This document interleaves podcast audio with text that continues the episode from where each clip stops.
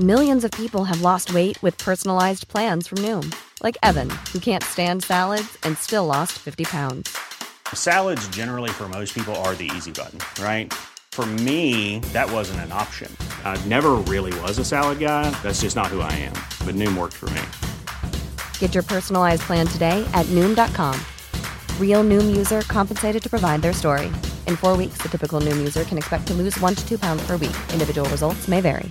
Quality sleep is essential. That's why the Sleep Number Smart Bed is designed for your ever evolving sleep needs. Need a bed that's firmer or softer on either side? Helps you sleep at a comfortable temperature? Sleep Number Smart Beds let you individualize your comfort so you sleep better together. JD Power ranks Sleep Number number 1 in customer satisfaction with mattresses purchased in-store. And now, save 50% on the Sleep Number limited edition Smart Bed for a limited time. For JD Power 2023 award information, visit jdpower.com/awards. Only at a Sleep Number store or sleepnumber.com. Even on a budget, quality is non-negotiable. That's why Quince is the place to score high-end essentials at 50 to 80% less than similar brands. Get your hands on buttery soft cashmere sweaters from just 60 bucks, Italian leather jackets, and so much more. And the best part about Quince, they exclusively partner with factories committed to safe, ethical, and responsible manufacturing. Elevate your style without the elevated price tag with Quince.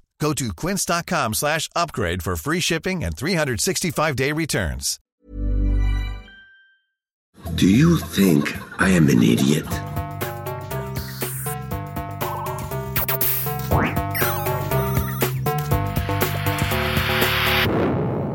Velkommen til Sinnsyn.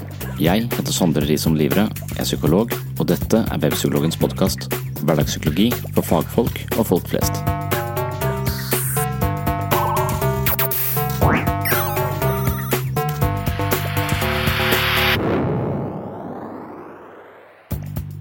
Dette er den første episoden i en serie om identitet.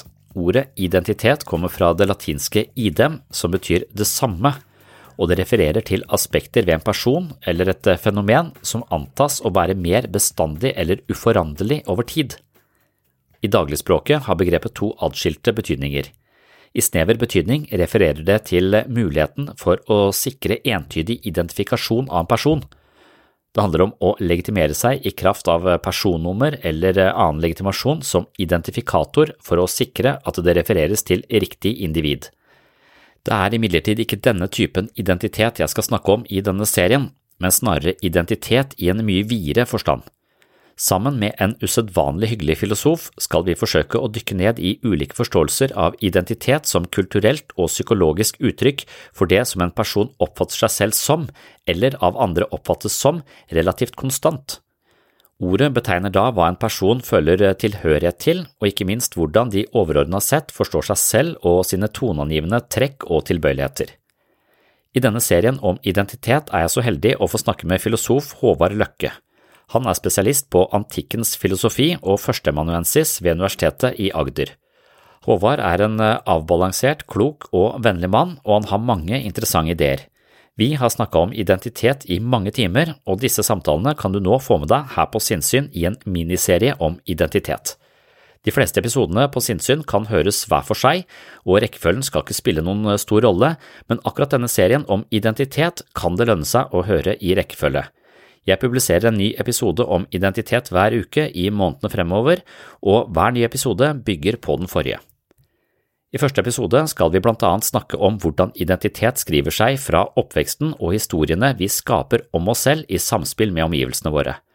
Det er kanskje ikke så mange som bevisst går inn for å utvikle en bestemt identitet, men i ung alder er man stadig ute etter andres aksept og anerkjennelse for å etablere en følelse av hvem man er, og dermed er det alltid i relasjon til omgivelsene og andre mennesker vi utvikler fortellingene om oss selv. Velkommen til første del i en miniserie om identitet. What can I say? I'm thrilled. Oh, I'm sure that's exactly what you want these people to believe. You know something, Bender?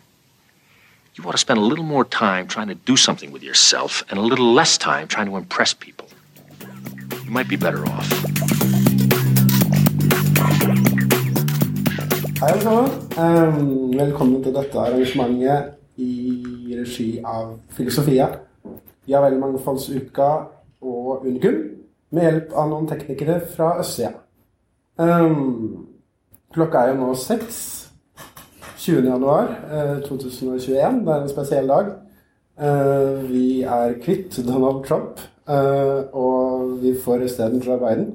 Så vi kan jo starte med en kaffeskål, da, syns jeg, for Joe Biden. Skål. Um, vi skal snakke om uh, identitet uh, i mangfoldsuka. Um, og det er jo en litt interessant kobling i seg selv, egentlig. Uh, hva tenker du om identitet og mangfold, Håvard? Ja. Um, ja, Som filosofisk tilnærming til identitet er vel det som er lurt å begynne med, kanskje. Så er det Vi snakket om det litt før vi begynte her, at uh, veldig mange filosofer per i dag i hvert fall er De bruker ikke så veldig mye identity som, som term, men de snakker om personen og selve. Det er veldig mye snakk om selve. Og de aller fleste, altså liksom Default-posisjonen i moderne analytisk filosofi i hvert fall, er at uh, selve kanskje ikke er en fiksjon, men ikke finnes i en viss forstand. Ok, La oss si litt sånn fiksjon, eller en konstruksjon, da. Uh, Daniel Dennett har gått lengst ut på den ene siden, tror jeg, og sagt at det er uh, pure fiction, uh, identitet, mens Derek Parfit, som på mange måter satte i gang dette med Reasons of Persons på midten av 80-tallet, tok en litt mer balansert posisjon, og de de fleste mener at en persons uh, identitet, eller selvets kontinuitet, og det å leve med som den tingen man er, den personen man er, uh, er noe som i stor grad er uh, Det er ikke gitt. Det er ikke metafysisk gitt på samme måte som vekten til koppen min, men det er en metafysisk omtrent sånn som fargen der borte. Altså det konstitueres i en viss forstand av bevisstheten i møte med verden. Så om vi da vil kalle det en fiksjon eller ikke, det, det tror jeg Det er et åpent spørsmål, men det er et stort spenn der. De fleste er enige om at identitet er eh, La oss si en, eh, en fleksibel, fleksibel, størrelse. Um, ikke en altså Så metafysikken til selv, selvets metafysikk da, er stort sett anerkjent av å være konstituert. Tingens identitet er avhengig av bevissthetens konstituering av seg selv Det tror jeg er default-posisjonen. Og jeg er i stor grad enig i det. Og det gjør jo at det sosiale rundt personen er svært viktig.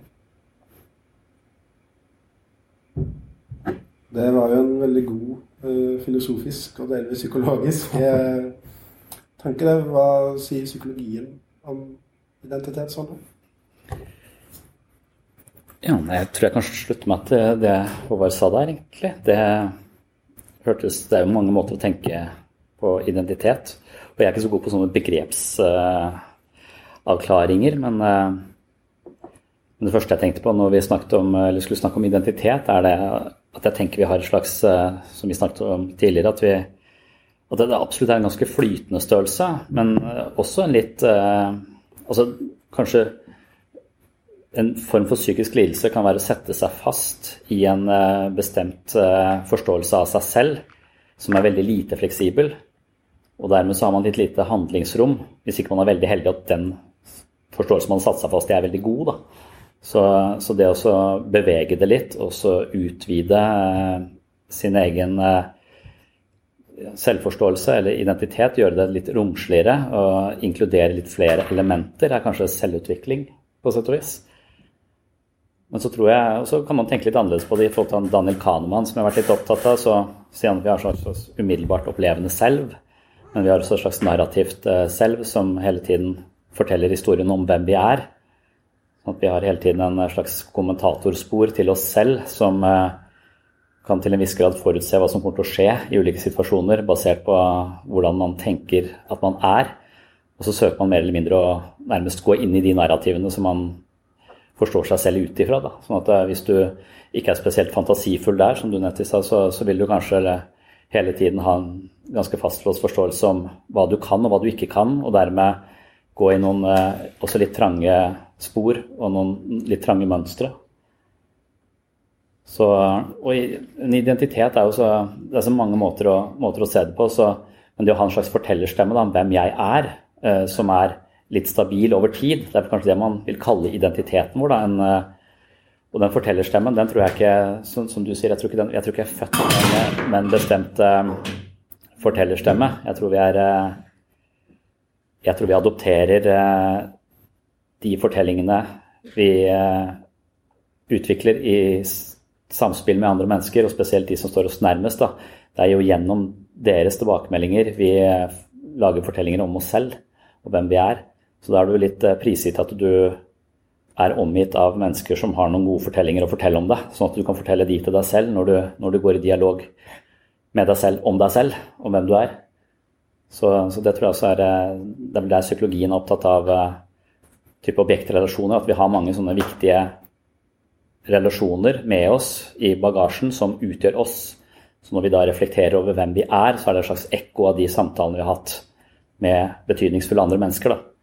Og de kan nok være litt låste. Dersom vi tror veldig hardt på de, hvis vi har blitt kritisert veldig mye, så er, det, er du ganske overbevist om at du er en eh, litt mindre kompetent person. Selv om det ikke nødvendigvis er en sannhet. Eh, det er bare en, en idé du har, og idet du har den ideen, så vil du også leve som om du er det. Og da vil du også miste muligheten til å nå det potensialet du egentlig har, kanskje. Sånn, sånn, at, du, sånn at psykologien kommer inn for å justere, eller i hvert fall utfordre den typen fastlåste selvforståelser, identiteter, kanskje. Som en måte å se psykoterapi på. Ja, altså jeg, jeg, jeg, hadde lyst til å prøve å, å flagge en problematikk som jeg tror plukker opp en del av det. Eh, I og med at vi er i mangfoldsuka. Eh, så eh, det ville være tåpelig å gå ut med en påstand som at man er motstander av mangfold eller noe sånt. Eh, det er altfor unyansert. Men jeg tror at språket inneholder til enhver tid massevis av honnørord som mangfold har en fare for å bli. Og at det ikke er helt uproblematisk eh, relasjonen mellom mangfold og identitet, egentlig av de grunner som vi er inne på.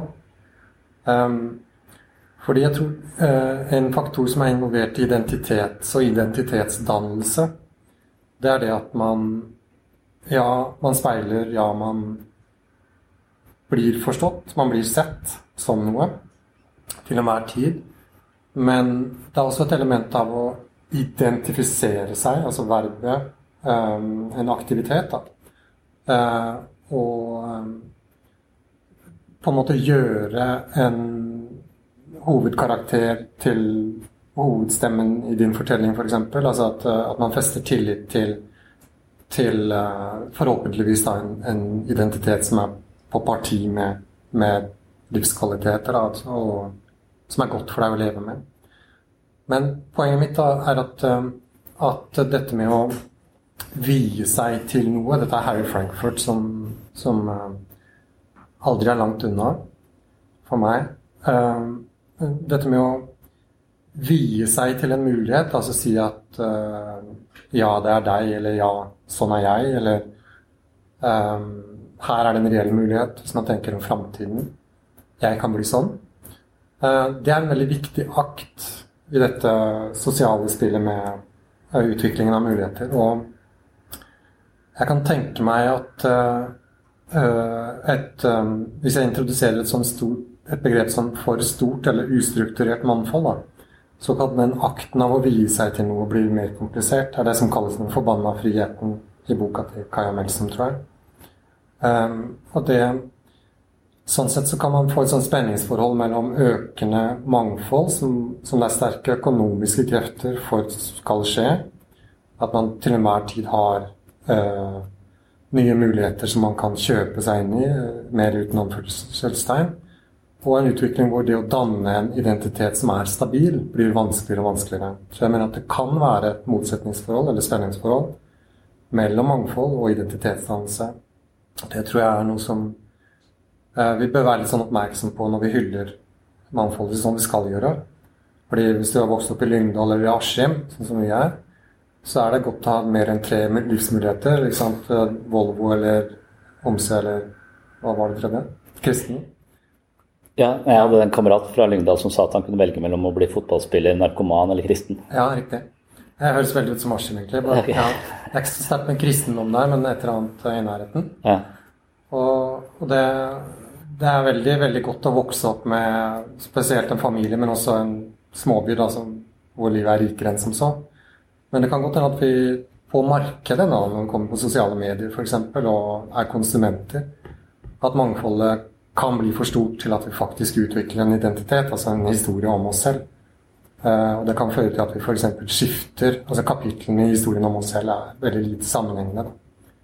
Eh, så det er kanskje mer et, en kritikk av endring. Det er en slags sånn konservatisme i det. Men, eh, men også en advarsel, syns jeg, da, mot at mangfold som sådan eh, alltid er en positiv faktor. Eh, det tror jeg ikke. Jeg Fikk flere tanker når du sa det. Det første Det første jeg tenker på, er at eh, i det jeg nå forstår deg, eller ikke forstår deg, eller misforstår deg, så, så vil jeg på en eller annen måte forandre deg også. Sånn at eh, det også være i møte med andre, det vil jo Hver gang vi prøver å forstå et menneske, så tilbyr vi en modifisering av en type narrativ det mennesket har om seg selv. Ja. Sånn at vi hele tiden er eh, utsatt for en eh, forandring. Så at vi, vi, vi er hele tiden i bevegelse. Da. Så idet vi blir forstått, så vil vi også kanskje modifisere forståelsen vi har, av oss selv. Og det er der du mener denne forvirringen oppstår. Hvis du har et, veldig masse narrativer rundt deg som du speiler deg i, så, så kan det bli problematisk. Er det sånn? Ja, altså, øh, kan kanskje presisere det litt. Hvis du tenker på litt sånn, øh, sånne begreper som stabilitet, da, øh, så, så tror jeg at at menneskets biologi og hele vårt emosjonelle vesen og hele vår liksom, om du vil, fordøyelsessystem og hele våre stemninger og sånn er relativt ustabile fra naturens side. Så det er veldig godt for mennesker å leve opp i å vokse opp i relativt stabile omgivelser, og så, og så kunne heller kjenne på det derre Det kunne vært så mye mer. Men det å vokse opp, også som ungdom og voksen, tror jeg, i omgivelser som om du vil, oppfordrer til ustabilitet, altså som inviterer til eh, oppdeling av din identitet eh, eh, det, det tror jeg har litt sånn helsekonsekvenser, faktisk, for, eh, for, eh, for våre personlige utvikling. Splitta celler. Jeg vet ikke om det er litt langt å gå, gå dit. Det er gjenklangt for en kliniker som møter mennesker hver dag. Så hvis en veldig ofte med mennesker som har eh, store utfordringer i livet, så kan de fortelle om en oppvekst hvor de flytta 12 ganger eller 20 ganger. Ja. Måtte tilpasse seg til nye Hele tiden. Ja. Så den mangelen på kontinuitet og, og stabilitet i, i det relasjonelle landskapet, Mm. det, det er ofte en faktor som fører til en type ustabilitet og kanskje fanget av en del følelsesmessig svingning og usikker på hvem man er. Ja.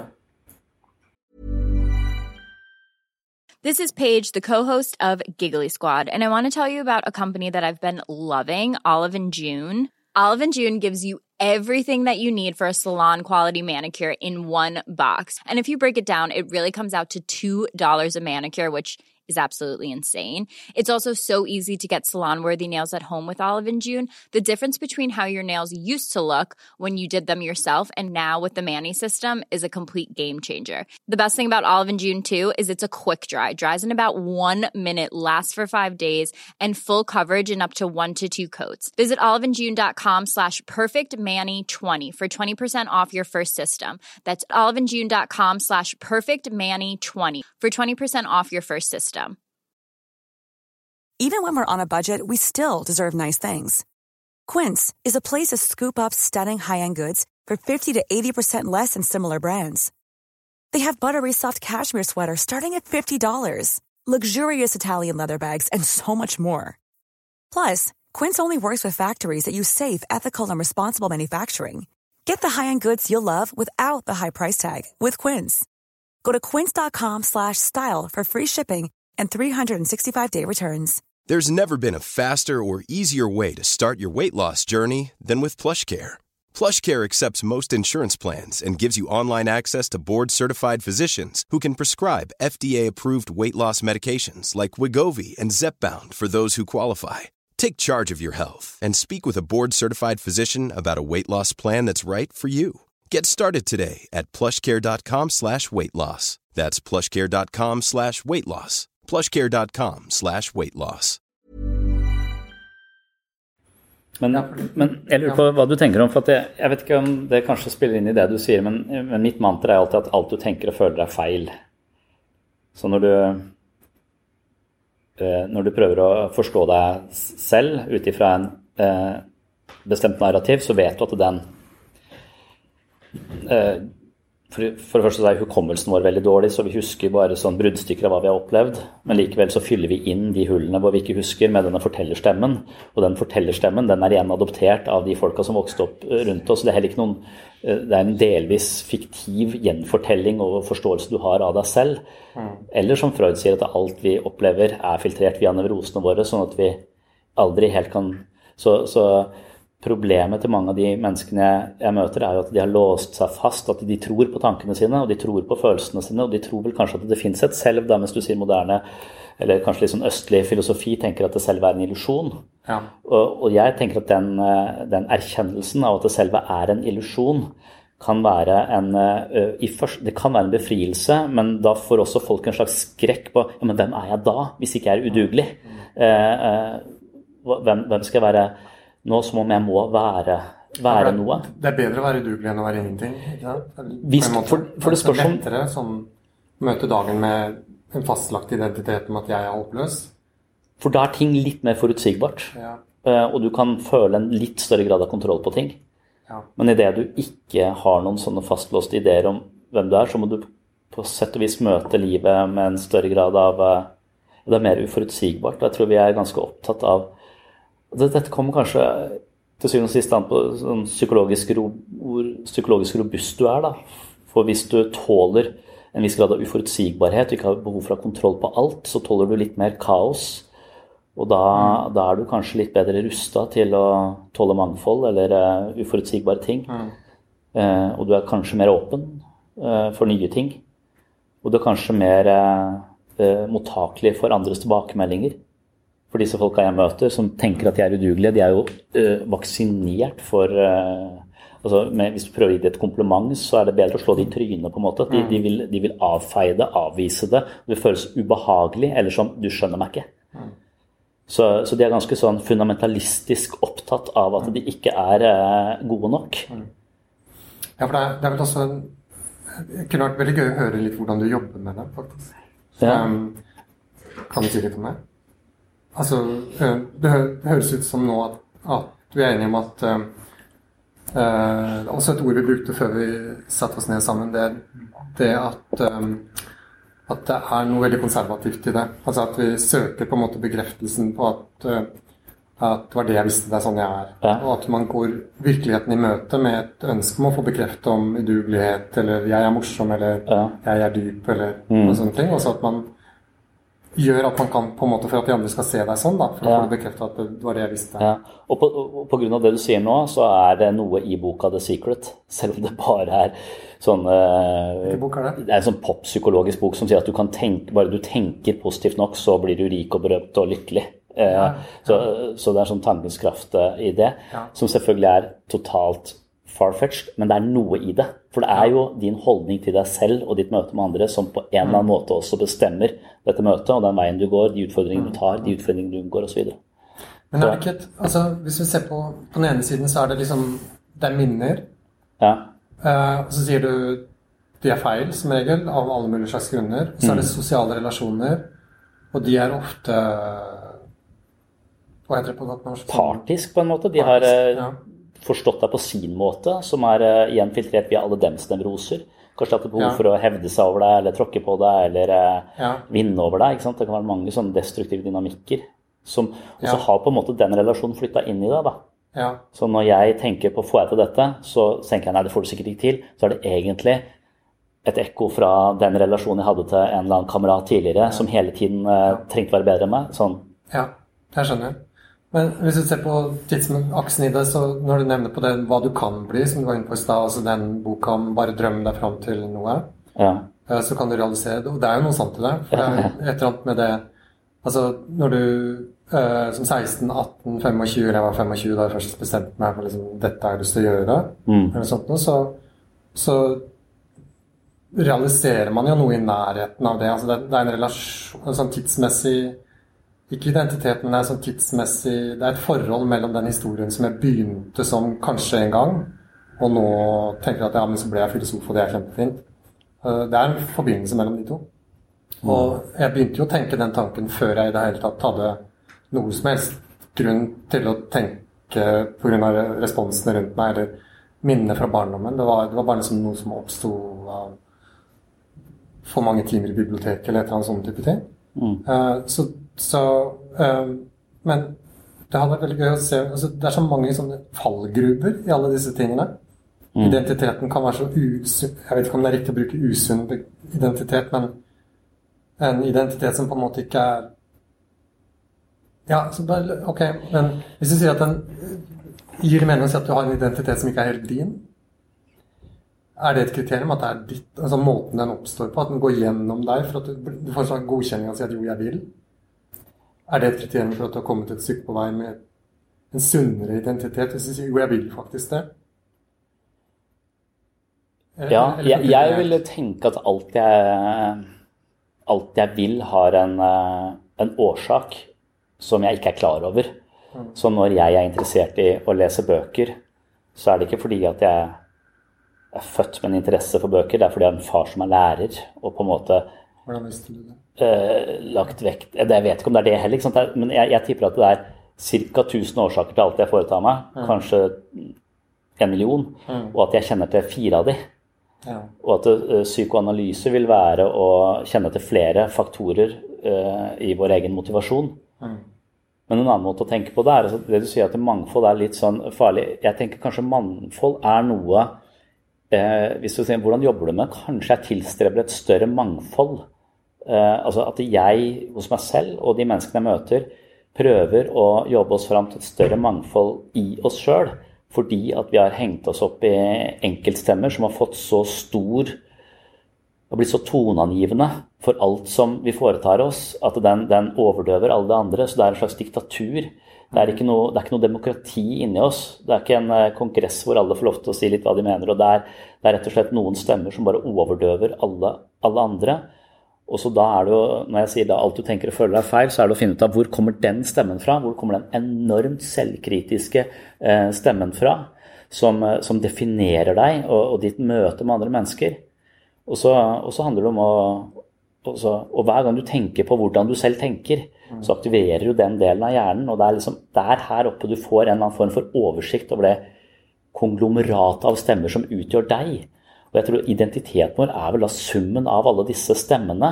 Men så er det for noen altså litt unyansert, men idet vi klarer For det er vanskelig å høre på mange Demokrati er jo dritvanskelig. Det er jo så mange som skal, skal si noe, og det blir veldig, du kan lett bli ganske handlingslamma. Så der er det lettere å høre på én diktator inni deg sjøl også, akkurat som i verden for øvrig.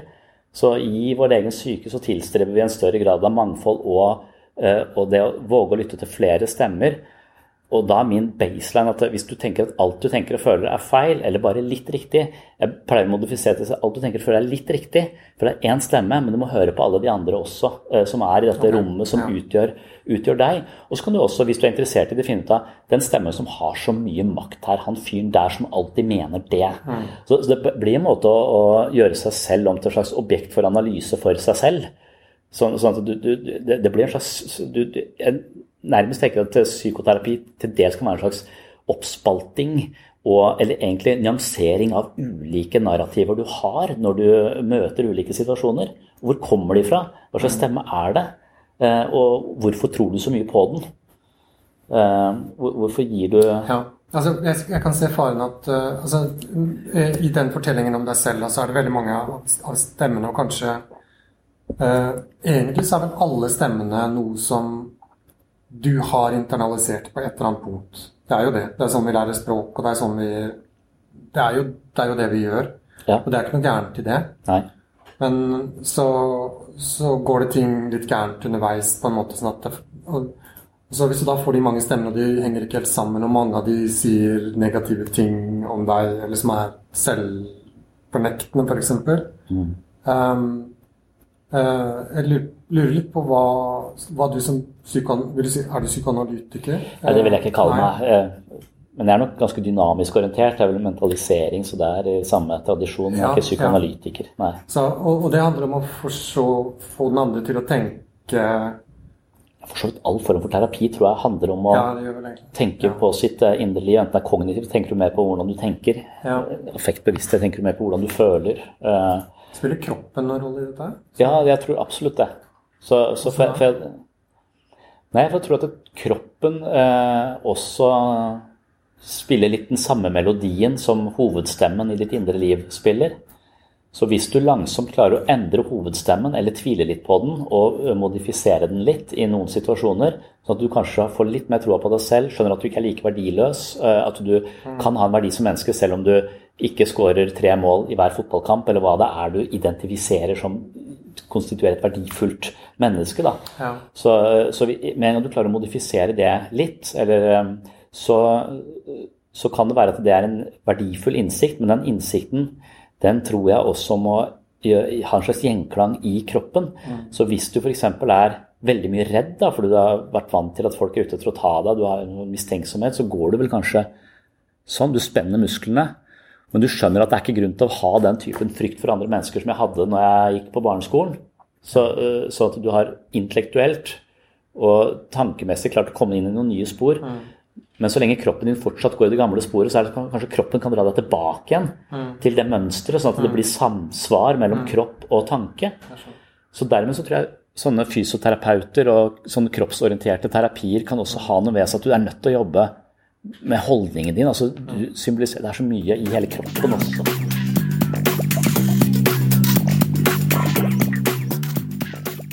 Så det var eh, første del av eh, miniserien om identitet. Jeg vil også takke Filosofia som arrangerte dette her.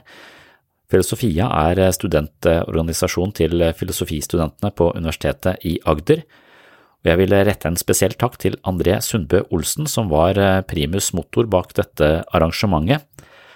Han er en vanvittig hyggelig fyr. Eh, han har vunnet Kompisprisen på universitetet, nettopp fordi han er så usedvanlig hyggelig.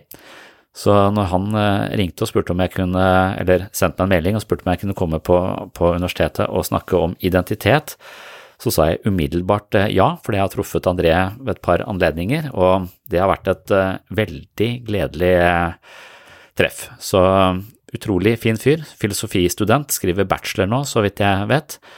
Så ja, tusen takk til André Sundbø Olsen, og takk til eh, Håvard Løkke. Og denne samtalen den fortsetter i lang tid, og du kan få med deg fortsettelsen i en senere episode her på Sinnsyn. You better hurry up, baby. Why is that? Because my father's gonna be home soon, and you know he don't like dogs. Oh, is that right? Yeah, but I ain't trying to hear what he's saying. Because you know I love you, right, baby? You don't love me, you just love my doggy style. Tusen takk for at du hører på. Takk til alle dere som har rata podkasten og gitt den hyggelige tilbakemeldinger i iTunes osv. Takk til alle dere som sender meg mail og beskjeder i ulike former og fasonger på ulike sosiale plattformer. Jeg får dessverre ikke svart på alle, men eh, jeg leser eh, alt som kommer min vei, og forsøker å svare på så mye jeg klarer. Det er ikke det at det kommer så veldig mange ting, men eh, jeg er ikke så begeistra for å kommunisere så mye i sosiale medier. Det jeg kommer ikke helt i dybden på ting der, så, det er ofte vanskelig for meg å svare på selv ganske enkle spørsmål, fordi jeg følte at svaret blir utilfredsstillende. Derfor så, så, vegrer jeg meg litt, og så unnviker jeg det litt, og så hender det at det går meg hus forbi sånn sett. Men jeg, jeg, eller svaret går meg hus forbi, men jeg leser alt som kommer min vei. Og jeg setter veldig pris på alle dere som eh, sender hyggelige tilbakemeldinger, og ja, det varmer og det motiverer til å holde på videre. Og hvis du er blant de som finner verdi her på sinnssyn, så vet du også hvordan det er mulig å støtte prosjektet. Det setter jeg også stor pris på. Jeg har noen Patron-supportere som eh, støtter dette prosjektet med et, eh, et abonnement. Man kan tegne et abonnement på patron.com for segs sinnssyn, og der kan man få masse ekstramateriale hver måned som medlem på mitt såkalte mentale treningsstudio. Så hvis du vil ha mer sinnssyn, flere episoder hver måned, øvelser, mye videomateriale, jeg leser bøkene mine kapittel eh, for kapittel, og på den måten så vil eh, da patron.com for seg sinnssyn til slutt huse lydbokversjonen av bøkene mine. Hvis du vil ha mer av eh, denne podkasten, så er et abonnement der inne en mulighet. Og det er også på den måten jeg finansierer dette prosjektet. Det er ganske kostnadskrevende å holde på med det, og det er veldig tidkrevende, men nå har jeg også muligheten til å gjøre dette hver eneste uke på grunn av at jeg har en del patron-supportere som støtter meg, så tusen hjertelig takk til dere. Det var det for eh, denne gang. Som sagt så kommer det en ny episode om identitet om ikke så altfor lenge. Det er ikke sikkert det blir akkurat neste episode, men eh, jeg kommer nå til å kjøre en liten miniserie om identitet basert på disse samtalene jeg har hatt med Håvard Løkke på Universitetet i Agder. Så de kommer til å komme ja, uke for uke her, tenker jeg, men jeg kommer til å putte inn noen andre episoder innimellom. Så ja. Takk for følget, og på gjenhør.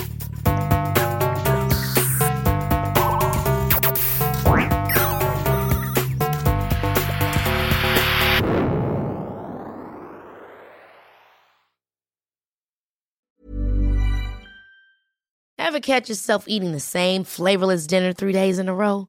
Dreaming of something better? Well, HelloFresh is your guilt-free dream come true, baby. It's me, Kiki Palmer. Let's wake up those taste buds with hot, juicy pecan-crusted chicken or garlic butter shrimp scampi. Mm. Hello Fresh. Stop dreaming of all the delicious possibilities and dig in at HelloFresh.com. Let's get this dinner party started. Even when we're on a budget, we still deserve nice things.